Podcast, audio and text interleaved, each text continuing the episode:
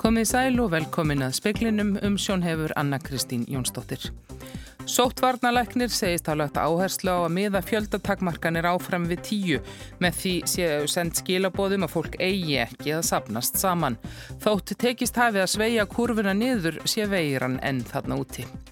Stjórnveld hafa ákveða áfríja niðurstöðu hérastóms Reykjavík um ólögmæti uppgreðslu gjalda í búðalánusjóðs. Umhverfisar á þeirra vonar að alþingi nýti sér tækifærið og samþykki frumvarpansum stopnun Hálendistjóðgars. Varaformaður umhverfis og samgöngunemdar telur að ágreiningur um málið hafi aukist. Undibúningur vegna bólusetningar gegn kórnverun er í fullum gangi, vonir á kynningarefni frá landlækni í lok vikunar. Og glíma breytt hafi COVID-19 hefur erfið, í dag náðu þeir þeim áfangað hefja bólusetningu gegn verunni. Ný reglugerð heilbreyðisráð þeirra vegna koronaveiru faraldusins tekur gildi 10. desember, 5. daginn. Sundstæðir mega þá opna, leikhús geta aftur tekja múti gestum. Þá verður íþróttamönnum í efstu deild og afreiksfólki heimilt að hefja æfingar að nýju. Líkamsræktar stöðvar verða hins vegar áfram lokaðar. Reglugerðin gildir til 12. januar eða í lengri tíma en síðustu reglugerðir og segir Þórólfi Guðnarsson sóttvarnalagnir að menn hafi viljað að leikregluna reglurnar eruðu skýrar yfir jól og áramót. Með því að miða fjöldatakmarkanir áfram við tíu sé verið að senda ákveðin skilaboð. Ég held að það sé alveg ljósta að það þarf ekki búin að mikið til til þess að það getur komið upp svona hópsmitt og hópsýkingar í einhverjum hópum og, og þess vegna eh, lagði ég áfram til að, að, að fjöldamerski miður við tíum manns í grunninn með ákveðin undanfætningum bara til þess að gefa út því skilaboð að fólk væri ekki að safna saman og, og, og þetta er maður svona á, hefur ákveðnar áhyggjur af þessum bónum öllum sem er um jólinn og aðvendinu og, og nýjárin eða gamnás, til dæmis kringum gamnás og nýjárin að, að hérna stjórnskildur og vinni frá að hópast mikið saman það er alveg, alveg kjörin vettvangur fyrir þess að veiru að blossa þetta aftur sko. þannig við erum að reyna að skula því og reyna að koma út með því skilaboð að fólk þurfi að passa sig áfram Saði Þórólf Guðnason og ítarlegra viðtal við Þórólf er að finna á rúf.is. Átta með að koma saman í Svíþjóðum jól og áramót að þér Stefan Löfven fórsættisra á þeirra greindi frá í dag og börn eru þar með talin. Löfven bað fólk að virða sótvarnareglur, halda hæflegri fjarlægð og einungis hittast skamma stund. Jafn framt baðan fólk að hittast helst úti við og halda sig frá verslunum, jábörðalestum og öðrum almenningsfaratækjum. Löfven segir að þessa reglur verða að vera strangar því ekkert hafi dreyið úr veiru smittum í Svíþjóð þrátt fyrir hertar aðgerðir að undaföldnu. Fólk verði að sætta sig við það að hátíðarnar sem framönda undan eru verði með öðru sniði en hinga til. Stjórnveld hafa ákveða áfríja niðurstöðu hér að stómsa Reykjavíkur um ólagmæti uppgreðslu gjalda íbúðalánasjóðs. Bjarni Bendiktsson fjármálaráð þeirra segir að miklir hagsmunu sé í húfi og því eðlilegt að láta reyna á dómin. Fjölskipaður hérastómur komst að þeirri niðurstöði í síðustu viku að íbúðalánasjóði hefði verið óheimilt að krefjast þóknunar fyrir uppgreðslu lána. Sjóðurinn bauð upp á lán með ákvæðum uppgreyslu þóknun á árunum 2005 til 13. Málið getur því haft fordamiskildi fyrir þúsundir lánþega sem voru eða eru með svipað ákvæði í sínum lánasanningi. Þetta er uh, mjög mikilvægt mál fyrir þúsundir fjölskyldna í landinu. Það eru heimili sem hafa greitt upp húsnæðislán fyrir um 5 miljardar og enn er lánastabið þarna með um 3 miljardar af uppgreifslu ákvæðum þannig að hagsmuninni sem eru undir hérna og fjöldi heimila sem að eiga mikið undir þessu máli er gríðalugur. Segir Bjarni Benediktsson fjármálar á þeirra. Í tilkynningu frá stjórnvöldum segir að lántakendur hjá Íbúlánarsjóði verði áfram rukkaður um uppgreifslu þóknun þanga til niðurstaða landsréttar liggur fyrir. Og þrátt fyrir að hérna séu undir þetta miklir hagsmunir fyrir þetta mörg heimili að þá er erfitt að gera annað en að láta fjallan um þetta á æðra dómstígi og fá niðurstöðu sem fyrst til þess að fá úr þessu skorið. Saði Bjarni Bendiktsson, hauskuldur Kári Skram tók saman. Guðmundur Ingi Guðbrandsson umhverfistráð þeirra mælti síðdegis á alþingi fyrir frumvarpi sínum Hálendis þjóðgarð. Þetta er í fyrsta skipti sem hann gerir það. Ráð þegar hann segir að um einstakt mála ræða. Það varði alla þjóðina á hafi verið unnið í viðtæku samráði. Hálendis þjóðgarður verður stærsti þjóðgarður í Evrópu.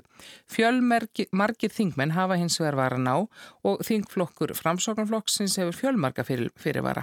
Helst er það að samráðið hafi ekki verið nægilegt, sérstaklega við sveitarstjórnir og þá sem næst búa fyrirhugum þjóðgarði.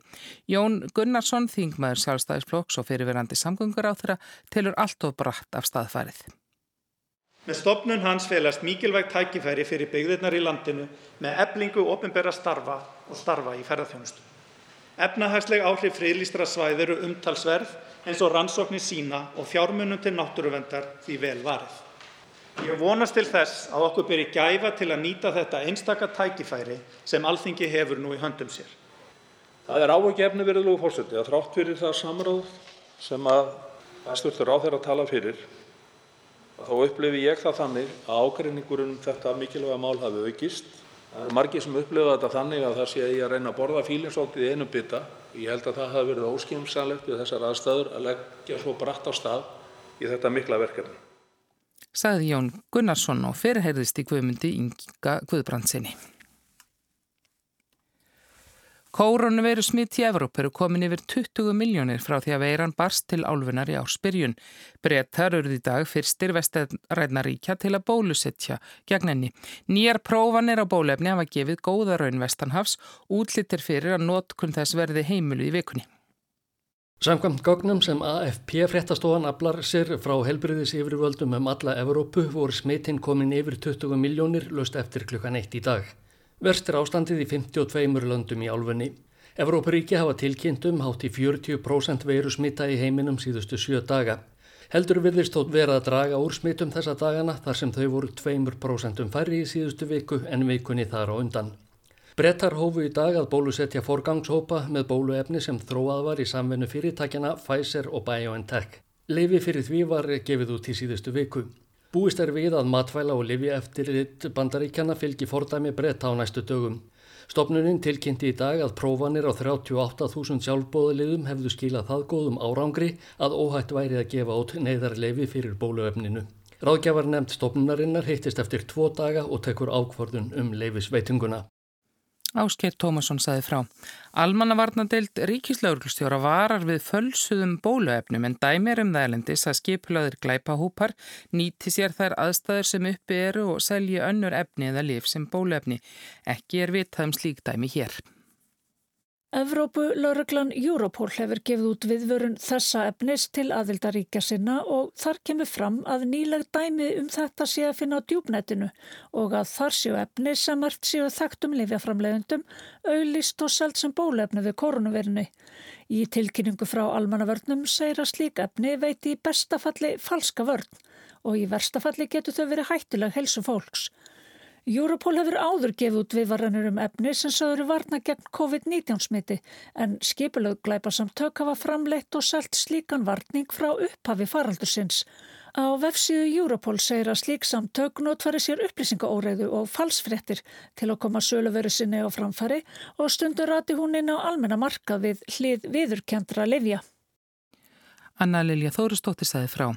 Hafsteinn Haldásson, aðstofavarstjóri í slökkviliði höfuborgarsvæðisinn, segir að nú sé rétti tíminn fyrir fólk að fara yfir eldvarnir á heimilinu.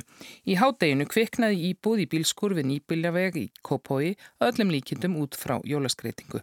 Engin var í skúrnum en tjón mikill. Það var tölvöld mikið dreigur þannig að svona tímaspjósmá hvenar eldurinn magnast og getið að við kviknaði í reiknum og, og breyðist á mjög hratt út. Þið telja að þetta hefði líklega verið einhvers konar jólaskreiting? Já, okkur finnst það líklegt svona ummerkjónum að það í kring. Annarkorti ramagsskreiting á borði eða kertaskreiting. Hafsteinn segir að tölvöld sé um útkvöld sem þessi á þessum ástíma og rétt að hugað forvörnum. Já, varðandi svona ljósaskreitingar, það var náttúrulega að passa bara að þetta sé heillegar skreitingar og að alla snúrur og, og tengi séu heilleg og í lægi og svo má náttúrulega ekki, ekki hlaða of mörgu snúrum á, á eina einstöku sem dæmi og Svo með kertaskreitingarnar það er alltaf huga að, að kerti sé þannig að það get ekki kviknað út frá því að sé eitthvað nálat sem logarnir frá kertinu geta náði í og kveikt út frá sér. Sagði Hafstein Haldorsson, Yngvar Þór Björnsson talaði við hann. Jón Þór Haugsson og stjórn Knatsbyrnusambands Íslands hafa komist að samkomiðlægi um að Jón Þór láti af störfum sem landsliðstjálfari kvenna að eigin ósk. Hegðun Jón Stórs í fögnuðuliðsins eftir að EM-sætti var tryggt í Yngveriland í síðustu viku hefur verið til skoðuna hjá KSI eftir að máli komst í hámæli. Jón Þór viðurkennir í yfirlýsingu í dag að hafa látið umæli falla undir áhrifum áfengi sem hann hefði ekki átt að gera. Þarna brást ég sem þjálfari, segir Jón Þór. Yfirlýsing Kynningu Jónstórs og KSI má sjá á rúf.is.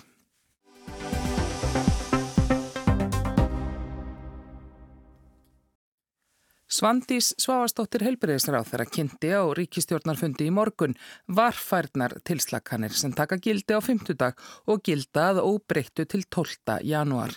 Tveggja metra reglan og tíu manna fjöldatakmarkun eru miðlagar í öllum aðgerðum, segir Svandís. En við gerum ráð fyrir því að veitingastæðir geti tekið við 15 viðskiptavinnum í rými og, og þar megi vera opið til 22 þó ekki verið heimilt að taka við nýjum gestum eftir klukka nýju. Við gerum ráð fyrir að sund og baðstæðir eh, séu opnir fyrir 50% leifilegum hámarsfjölda. Hámarsfjöldi í jarðaförum verði 50 manns að íþróttaæfingar fyrir uh, fólk sem er fætt 2004 og fyrr, þar segja fyrir fullorna, verði heimilar með og ánsnertinga í íþróttum uh, innan ISI í efstu deild og æfingar afræksfólks uh, heimilar.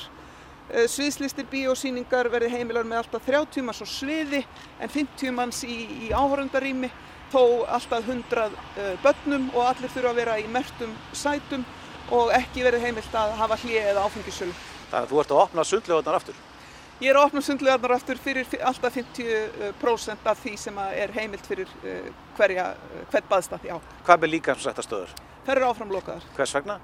Vegna þess eh, sem hefur komið fram í ítrekkað í máli sótarnalæknis að, að þar sé starfsemi sem, að, sem sé meiri hægt á smitum en, en annar staðar þar sem við erum að opna fyrir starfsemi. En hvers vegna eru það að ringa fjöldatakmarkanir á veitingastöðum og í leikúsum en halda það samt áfram með þessa tíu manna samkominntakmarkanir? Vegna þess að tíu manna takmörkun snýst í raun og veru um það sem við erum að gera sjálf í okkar persónlega rými, uh, samkomur sem við erum sjálfa skipilegja. Þar erum við í raun og veru bara að uh, mælast til þess að við séum með þessa tíu manna búblu að við ákveðum svolítið hverjir eru þessi tíu sem við erum að umgangast mest. Vegna þess að það skiptir miklu máli að við höldum því yfir háttíðarnar að, að það verði ekki ofmikil dreifing vegna þess að ef að það verður ofmikil dreifing og það kom upp smitt að þá erum við eigum við á hættu að faraldurinn takja sig upp aftur og, og við, við lendum í nýri bylgu sem við erum að glýma við akkurat þegar síst skildi. Hvað með eh, ja, kirkjur? Já, það gilda bara sömu reglur þar eins og, eins og í öðrum rýmum. Tíu manna þá? Já.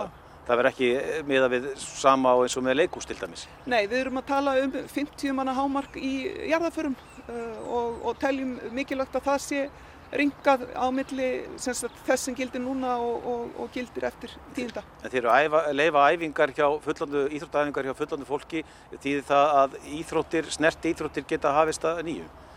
Já það þýðir að, að við erum að byrja að minnst okkur æfingaleiði, að, að það má áfram, að það má æfa sérst eftir þennan tímapunkt uh, og svo auðvitað er það, það sem við myndum öll vilja sjá er það að það væri hægt að heimila keppnir uh, og, og það uh, sjáum við örglega þegar að vorar bæði í, í ástíð, ástíðunum og í faraldrinum.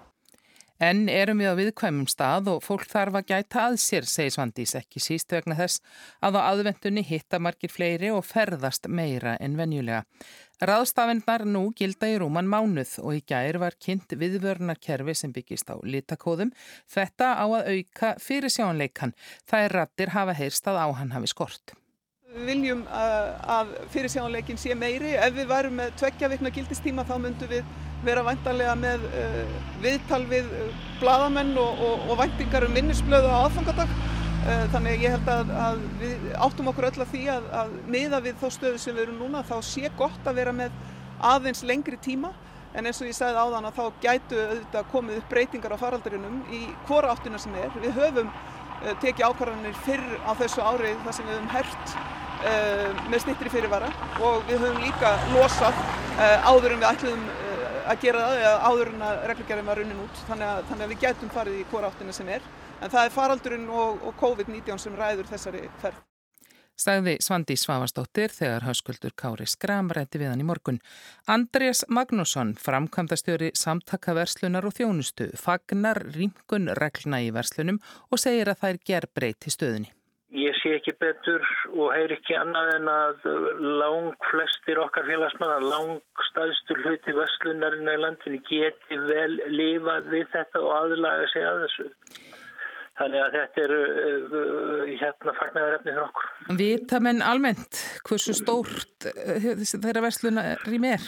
Já, ég meina það er, uh, menn vita það sko, bara algeng stærð á vestlunarými í bæði kringlun og smáralind er eru 200 fermetrar og það meina 100 manns verið inn í slíku rýmum og það er á alveg að duga svona í langklæstum tilfællum og svo er náttúrulega fyrirtækin búin að aðlaga sig að þessum með því að fyrirtækin sem er að reyka sinni starfsum í starri rýmum búin að aðlaga sig að, að þessum með því að skipta rýmun upp í fleiri hólf.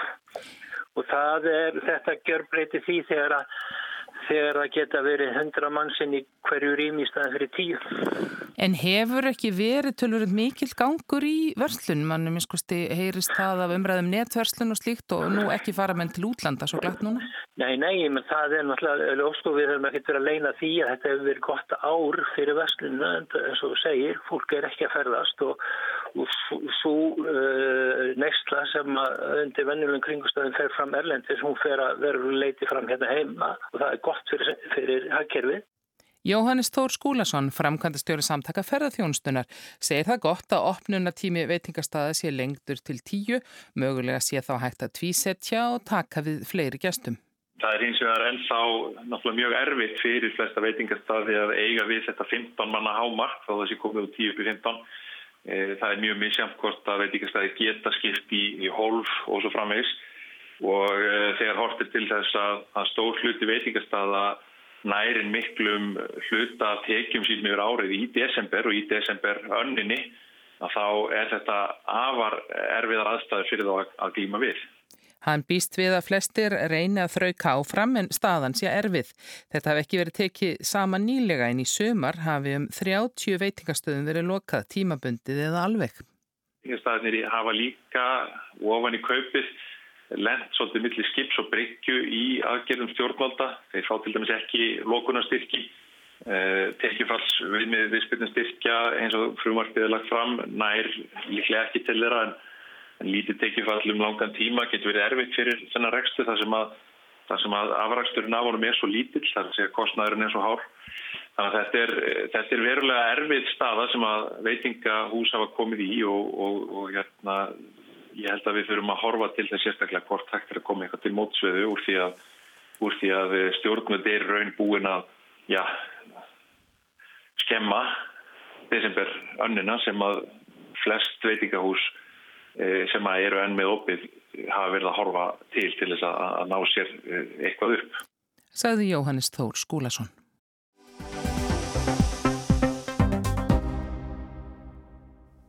Verkefnastjóri hjá landlækningsembættinu segir að undirbúningur vegna bólusetningar við COVID-19 sé fullum gangi. Kynningarefni verði byrt í lokvikunar. Það sé ómögulegt að segja til um hver langan tíma tekur að bólusetja þjóðina. Það far eftir því hver mikið af bóluefni berist til landsins hverju sinni.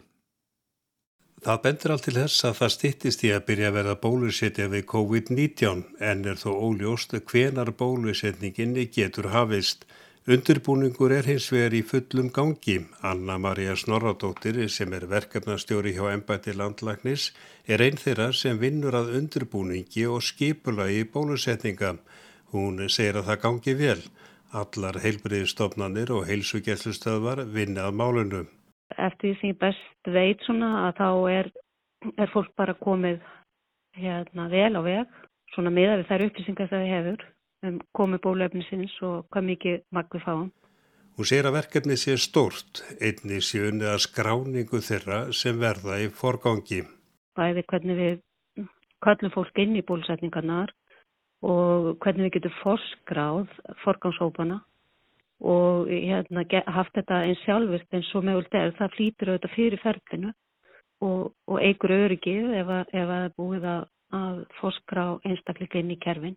Hún segir að umfangsmikil vinna fari líka fram hjá landlæknisembætunu í tengslu við kynningarefni, stutt sér í það að það efni verði kynnt og gert aðgengilegt.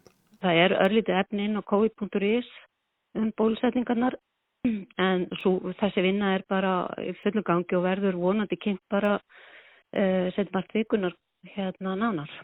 Um 230.000 manns búa á höfuborgarsvæðinu. Framhauðu komið að undirbúningur er á fullu þar á bæm. Til greina kemur að taka skóla, kostningastaði eða íþróttasali á leigu til að sinna fjölda bólusetningum. Verði nóga bólefni tak ekki langan tíma að bólusetja fjölda fólks. En hvernig verður þessu háttað á landsbyðinni eða þar sem strjálbílt er? Það er auðvitað bara, má segja, ólíkt eftir aðstæðum hvernig, hér, hvernig það er hugsað og, og fólk eru auðvitað að hugsa marga leiðir, það er hávetur og, og, hérna, og klálega verðu að þannig að það sem eru hjúkunaheimil og það eru að bólsetta á staðnum, bæði heimilsmenn og stafsmenn að þá verður teimi sem að hugsalega fara á milli eftir ef þetta er mjög e, fámennabigðir. Nú svo eru byggðakjarnar þar sem að verður uh, hérna bólusett bara þá á ákveðnu stöðum, hugsalega heilskesslunni eða, eða í skólum eða í þróttahúsum. Allt eftir því auðvitað hvað, hversu mikið efni við fáum í einu. Anna-Maria segir að vegna óvísunar um hver mikið að bóluefni berist til landsins hverju sinni sé ómögulegt að áætla hvað verki taki langan tíma. Verkefni sé nokkuð flókið ekki síst vegna þess að bólusetja þar hvern einstakling tvísvar sinnum með um þryggja vegna millibili. Og það er þannig að viku eftir að þú fengið báðarspröyturnar að þá er talað um að þú sést komið fulla vend, ekki fyrr.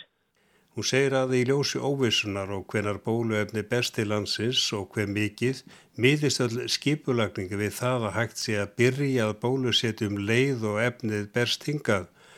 Á morgun stendur til að skrifundi samning við Lífjaframlegandan Pfizer Íslandi stefnir að því að kaupa 5-600.000 skamta bóluefni frá nokkrum framleiðendum.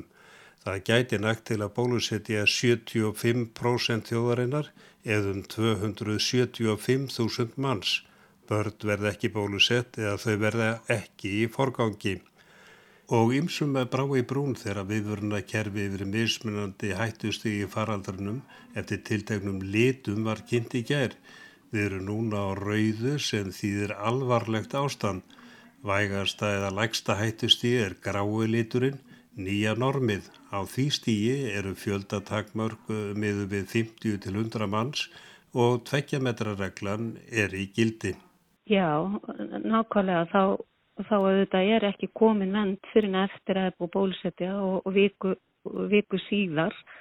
Þannig að það auðvitað fer eftir hversu rætti fáum efnið en ég held að við erum algjörlega í stakk búin að bólis þetta mjög rætt ef að við fáum sagt, mikið efni að þá, þá mun allir leggjast á eitt í það að bólis þetta eins rætt að við getum.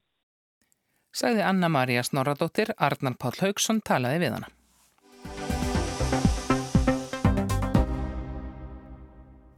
Viðuregn breytt hafi COVID-19 hefur verið píslarganga, dánartíðnin há og efnagsáfalli mikill. Breyttar hafa þó slegið öðrum þjóðum við þegar kemur að bólusetningu. Hún hófst í Breitlandi í morgun og það var klappað fyrir þeim sem mættu fyrstir. Hinn nýræða Margret Kínan var spröytu fyrst.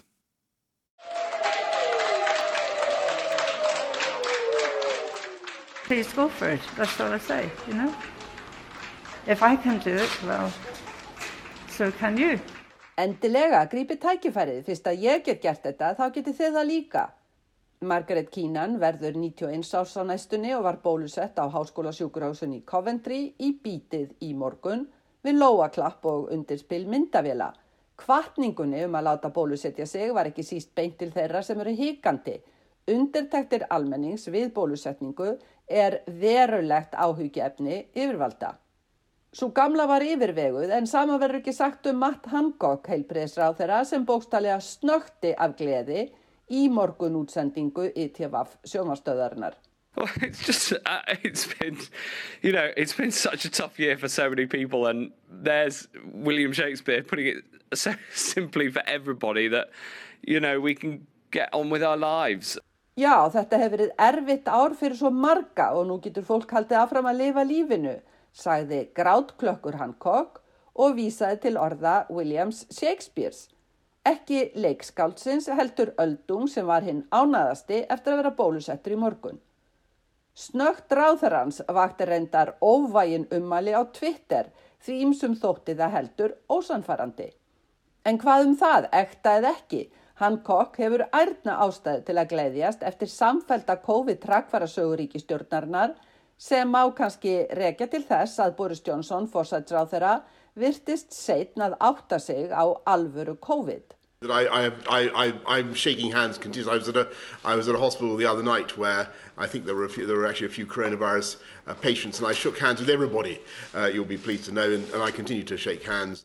3. mars, daginn sem vísindaráðgjafa ríkistjórnarinnar hvöttu fólk til að láta af handaböndum, sagði forsættisráð þeirra gladbeittur frá heimsókn á spítala innan um COVID-sjúklinga þar sem hann heilsaði með handabandi.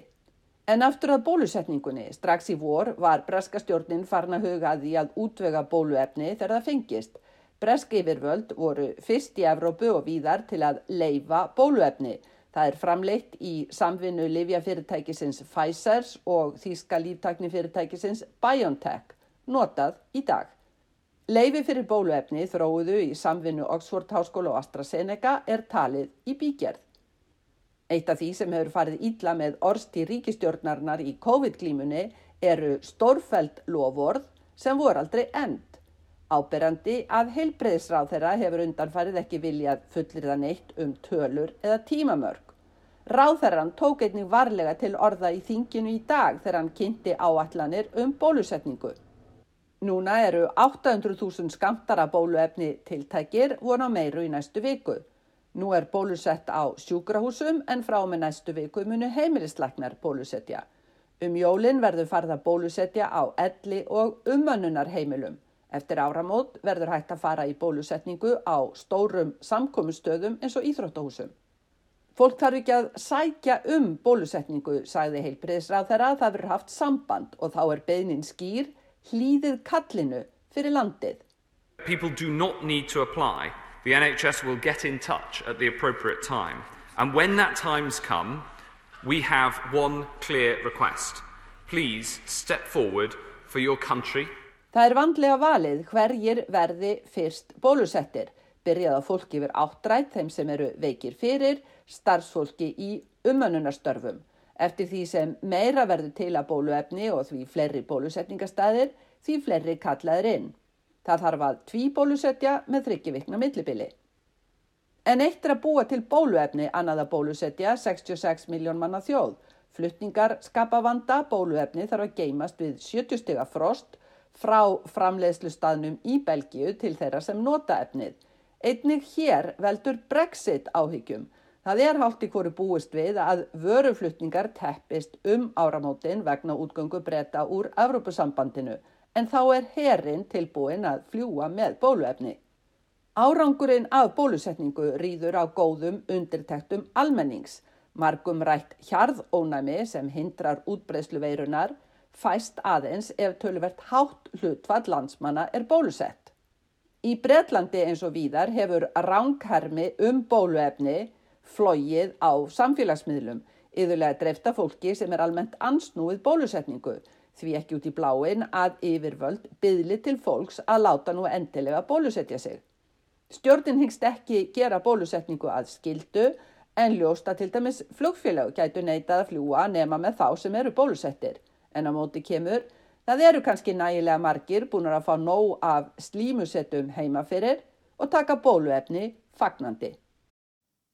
Sigrun Davistóttir saði frá. Veðurhorfur hann gengur í austan og svo norðaustan strekking eða all kvassan vind í nóttu og morgun. Snjókoma og svo slitta eða rigning suð austanlands og á austfjörðum en úrkoma í öllum landslutum annað kvöld. Veður fer hlínandi. Það er ekki fleira í speiklinum í kvöld. Tæknum aðri útsendingu var Mark Eldredd veriði sæl.